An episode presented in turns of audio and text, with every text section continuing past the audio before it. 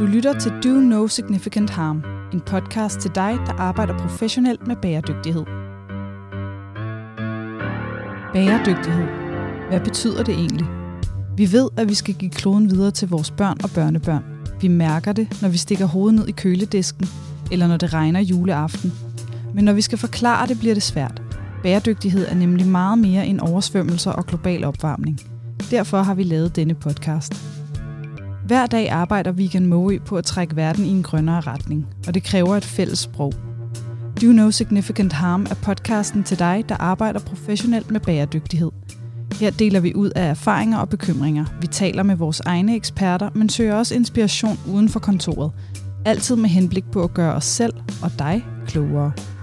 Titlen har vi stjålet fra EU's taksonomi for grønne investeringer – her minder den os om altid at tjekke, at det gode, vi gør for klimaet, ikke gør betydelig skade på naturen og samfundet. Fast vært er Claus Ulrik Mortensen. Velkommen til. Har du det på samme måde?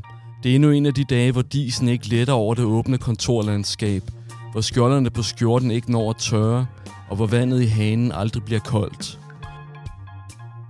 Vi har lyttet til den danske sommer og flytter podcasten ud i solen. I fem afsnit glemmer vi vores egen dagsorden og giver ordet til nogle af de aktører og eksperter, der i disse år udforsker rammerne for den grønne omstilling. Nu retter vi fokus mod virksomhederne, og mere specifikt spørgsmålet om, hvordan man får den grønne omstilling ud til forbrugerne.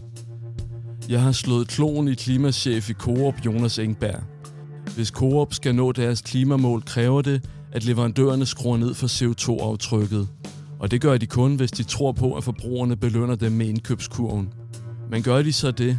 Og hvordan kan Coop bruge bæredygtighed til at vende røde til sorte tal? Velkommen til. Jamen, jeg hedder Jonas Engberg, og jeg er klimachef i Coop. Øhm, og jeg har ansvaret for jo vores, hvad kan man sige, eksekvering af vores ret ambitiøse klimaplan på tværs af hele vores organisation. Så som mit primære virke er, at jeg arbejder med hele organisationen, de, alle de forskellige forretningsområder, øh, i at gøre alle dem bedre til at arbejde med klima, så vi når vores klimamål. Og øhm, når du kigger ind i, i, hvad der sker lige nu på sådan, bæredygtighedsfronten helt bredt, altså hvad er det så, der, der optager dig mest lige nu?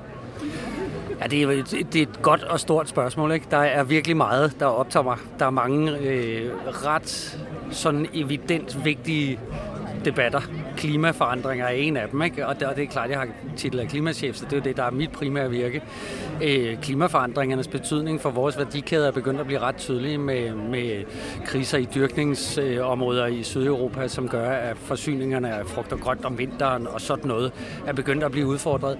Og det er jo noget, altså det første første gang, tror jeg, at vi rigtig mærker, at klimaforandringer ikke er sådan noget for de næste generationer, men noget, vi faktisk bliver nødt til at forholde os til her nu, og indlejre i både vores risikoanalyser i vores analyser omkring, hvordan vi mitigerer og planlægger for fremtiden. Øhm, men det er jo bare et lille hjørne af hele bæredygtighedsagendaen. Jeg vil sige, noget, der optager mig og os rigtig meget, er jo hele det her rammeværk, som er på vej i form af CSRD og, og andre. Øhm, sådan regulative rammer for, hvordan vi skal rapportere, og dermed også, hvordan vi skal, altså det fører tilbage til, hvordan vi agerer. Øhm, det er rigtig, rigtig spændende, og, og en lille smule overvældende øh, nogle gange. Så synes jeg, altså et andet område, som er værd at, at påpege, og et andet område, hvor vi sådan nogle gange føler, at vi kun har begyndt at kratte i overfladen, det er, det er hele biodiversitetskrisen, øh, agendaen, som kommer til at fylde helt utrolig meget over de næste år. Og koblingen med, med klimakrise, koblingen til vores arbejde med klima, det, det, bliver, det bliver nødt til at være en samlet framing af det hele. Så overskriften på det hele er hvordan arbejder vi med at forankre bæredygtighed i vores organisation. Og så er der alle de her kroge og alle de her områder, vi kigger ind i, og alle de her forskellige scenarier for fremtid og sådan noget. Så, så det, det handler i virkeligheden om at få det hele forankret i en samlet plan for, hvordan vi, samfundet generelt, andre virksomheder, vi som mennesker agerer i fremtiden. Så, så du sidder i virkeligheden i Coop-organisationen og har sådan det overordnede ansvar for i virkeligheden at så alle aspekter knyttet til bæredygtighed lander på, på dit bord, eller, eller hvordan, hvordan, er, hvordan er det organiseret? For jeg tænker, det må godt nok være noget af en opgave, og hvordan, hvordan griber man den an? Ja, det er et godt spørgsmål, fordi vi er lige blevet reorganiseret. Øh, Coop har igennem det sidste år reorganiseret sig lidt, og også vores bæredygtighedsområde er blevet reorganiseret her for nylig. Så, så vores lidt store CSR-afdeling, eller vores CSR-afdeling er blevet delt i to, og en del er rykket til det, vi kalder kommersiel kategori, så tæt på varerne og tæt på udviklingen af den nye koopkæde og sådan nogle ting. Og så sidder jeg mere på et strategisk niveau sammen med min gode kollega Anne Mette, og vi har ansvaret for forankringen af, af ESG-rammeværket og klimarammeværket på tværs af vores organisation. Så kan man sige, at vi arbejder jo tæt, tæt sammen, både os tre og, øh, og så resten af organisationen i det. Jeg har, jeg har tidligere klimachef, men jeg kan ikke lade være med at blande mig i alt det andet også. Øh, og, og det er klart, det, det, der er jo utrolig mange tråde. Vi kan ikke have en klimaplan og en Øh, plan for biodiversitet, der trækker i hver sin retning. Vi er nødt til at have det som samlet hele. Så vi arbejder tæt sammen, navnlig vi tre, men også resten af vores kolleger i, på ansvarlighedsområdet. Og jeg tror, i alt er vi 12. Men hvad er overskriften for Korps klima- eller bæredygtighedsarbejde? Altså, hvad handler det om, hvis du... Hvad, hvad er det, der, der driver jer? Øh, er det, jeg kan også give jer nogle valgmuligheder, er det et spørgsmål om sådan bidrag til en, en ønsket samfundsudvikling øh, slash og gøre verden beboelig for den næste generation? Nu står du lige og hilse på nogle unge mennesker her, du, du havde mødt. Og, eller er det at øh, vækste jeres forretning? Det er jo ikke nogen hemmelighed, det ikke går super godt lige nu, og så bruge bæredygtighed som en vej ind i, i det, eller handler det om noget compliance og undgå, at I, hvad ved jeg, øh, ikke kan få lov at drive jeres forretning, som I har gjort hidtil, fordi der kommer nye skrab og krav. Der er jo alle mulige forskellige veje ind i det, man kan vælge. Og hvordan, så hvad er det, der, der er sådan den primære driver for jer, og, og hvordan går I til det? Jeg tror, øh, hvis, jeg, hvis jeg skal sige det, som jeg synes, og som jeg synes, man er nødt til som virksomhed at gå til det, så er det, at det primære skal være, at vi skal se os selv i en fremtid. Hvis vi kigger 5, 10, 15 år ud i fremtiden, hvad er det, vi skal drive forretning på baggrund af? Hvor skal vi få vores ting fra? Hvad skal vi producere? Hvad skal vi få produceret? Hvad skal vi sælge? Så vi er nødt til at kigge ind i, hvad er, hvad er jorden i stand til at levere til os, og, og øh, er det relevant for os i en forretningsmæssig kontekst? Det bliver nødt til at være bæredygtighed som rettesnor for strategisk udvikling allerøverst ud i en fremtid. Vi kan kun være en virksomhed, hvis vi er en grøn virksomhed i fremtiden. Det må være rammesætningen af det, fordi verden, altså vi bliver nødt til at nedbringe vores påvirkninger, øh, agere i en verden med, med snævere og måske lidt svære forsyningskæder og indrette os på det.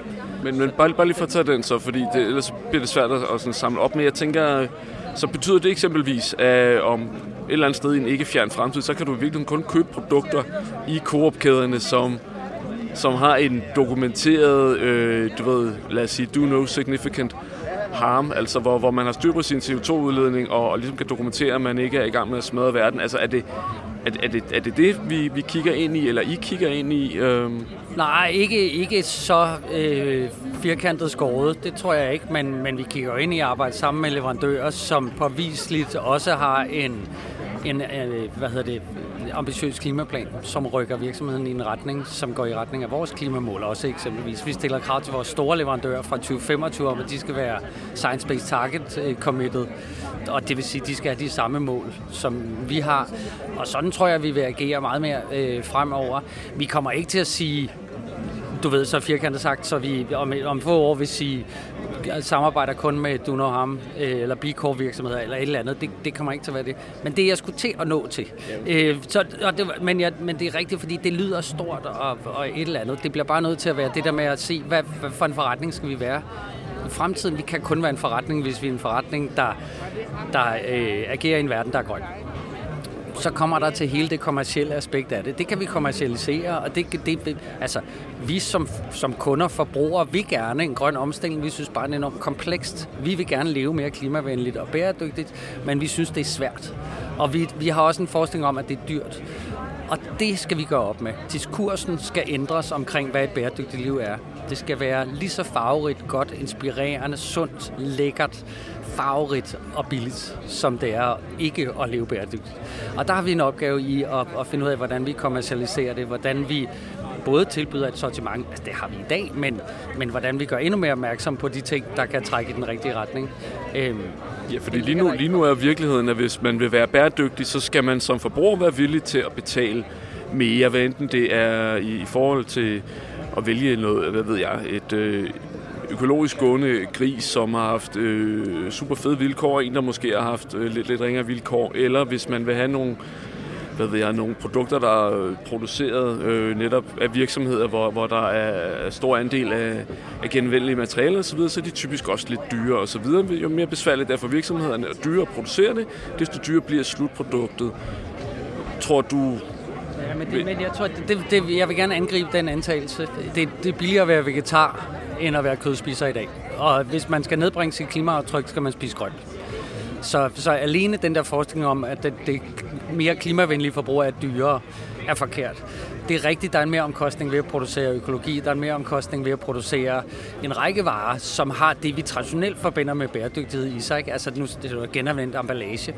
Nu kommer der et udvidet producentansvar, det vil sige, det bliver miljøgradueret, altså emballageomkostningen bliver tillagt en miljøgradueret bidrag, som, som gør, at det ikke genanvendelige jo bliver dyrere det, det ikke genanvendte bliver også dyrere. Ikke? Så, så jeg tror, at der er en masse mekanismer i spil, som gør, at vi får trykket prisen ned på det, som vi traditionelt forbinder med det bæredygtige produktionsomkostningerne med, til, til økologi er fortsat en lille smule højere, men det er ganske lidt. Så jeg tror, vi, vi, vi er nødt til at gå op med det der med, at det skal være dyrere at være bæredygtig, og hvis kunderne er parat til at gøre det, så går vi med, og vi skal betale mere pris.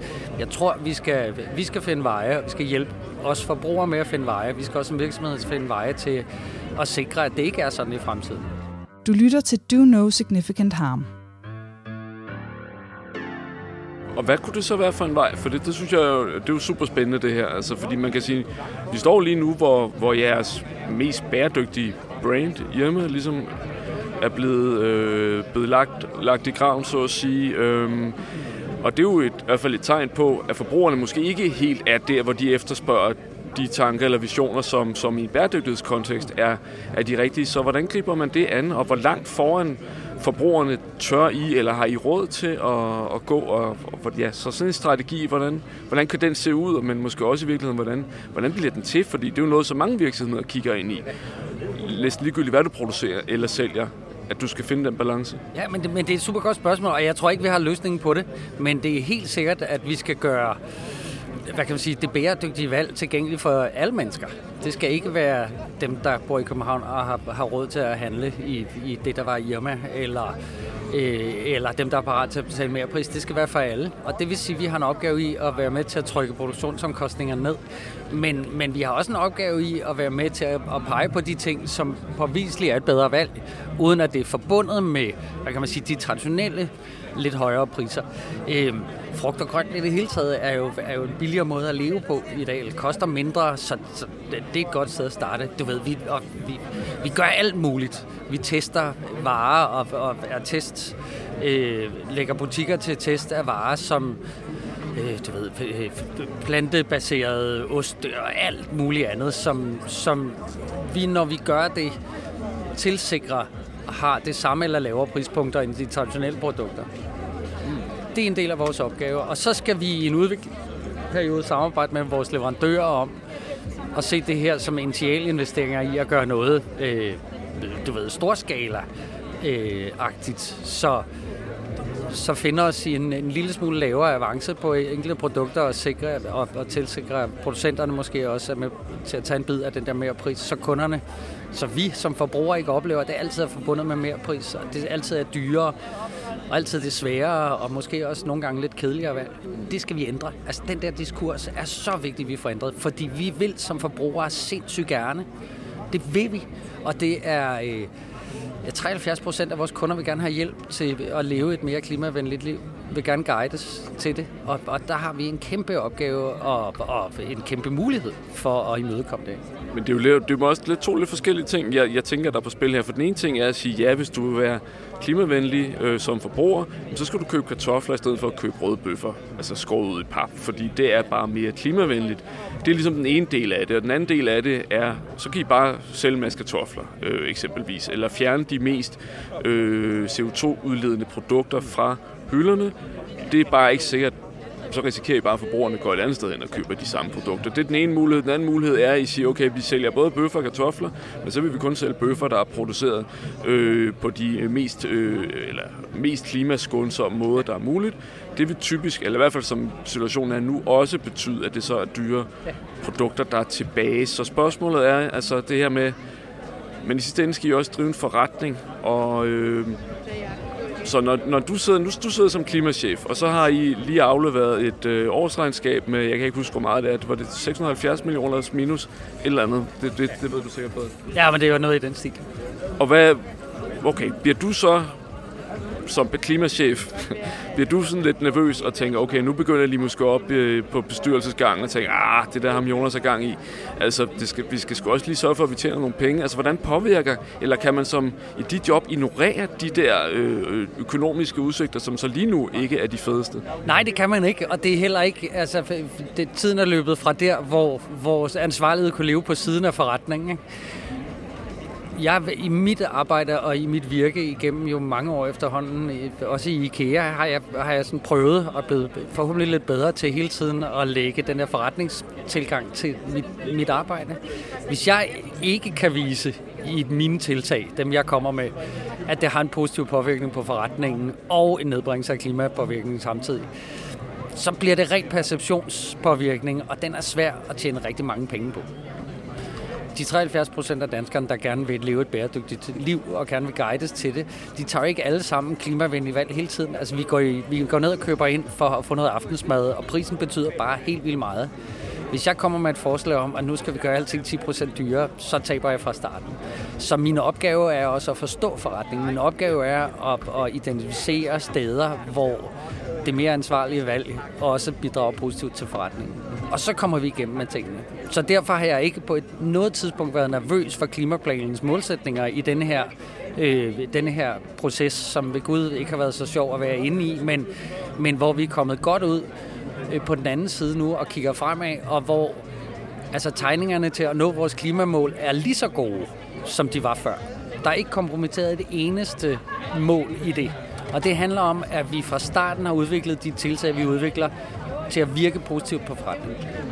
Og så i forhold til, nu vil jeg gerne bare dykke lidt ned i, øh, i leverandørkædesamarbejdet, og også bare sådan en disclaimer. Altså vi har i, i Vegan Mo hjulpet jer med at, at lave noget, nogle CO2-screeninger af nogle af jeres leverandører, ligesom at hjælpe dem til at kunne skaffe de data, som så, så det er ligesom lagt, lagt ud. Men hvad er det i hvad er det for nogle krav, I stiller til, til jeres leverandører, og hvor mange af de leverandører kan i dag leve op til dem? Altså sådan en slag på tasken. Jeg ved ikke, hvor, hvor præcis det svar, du har.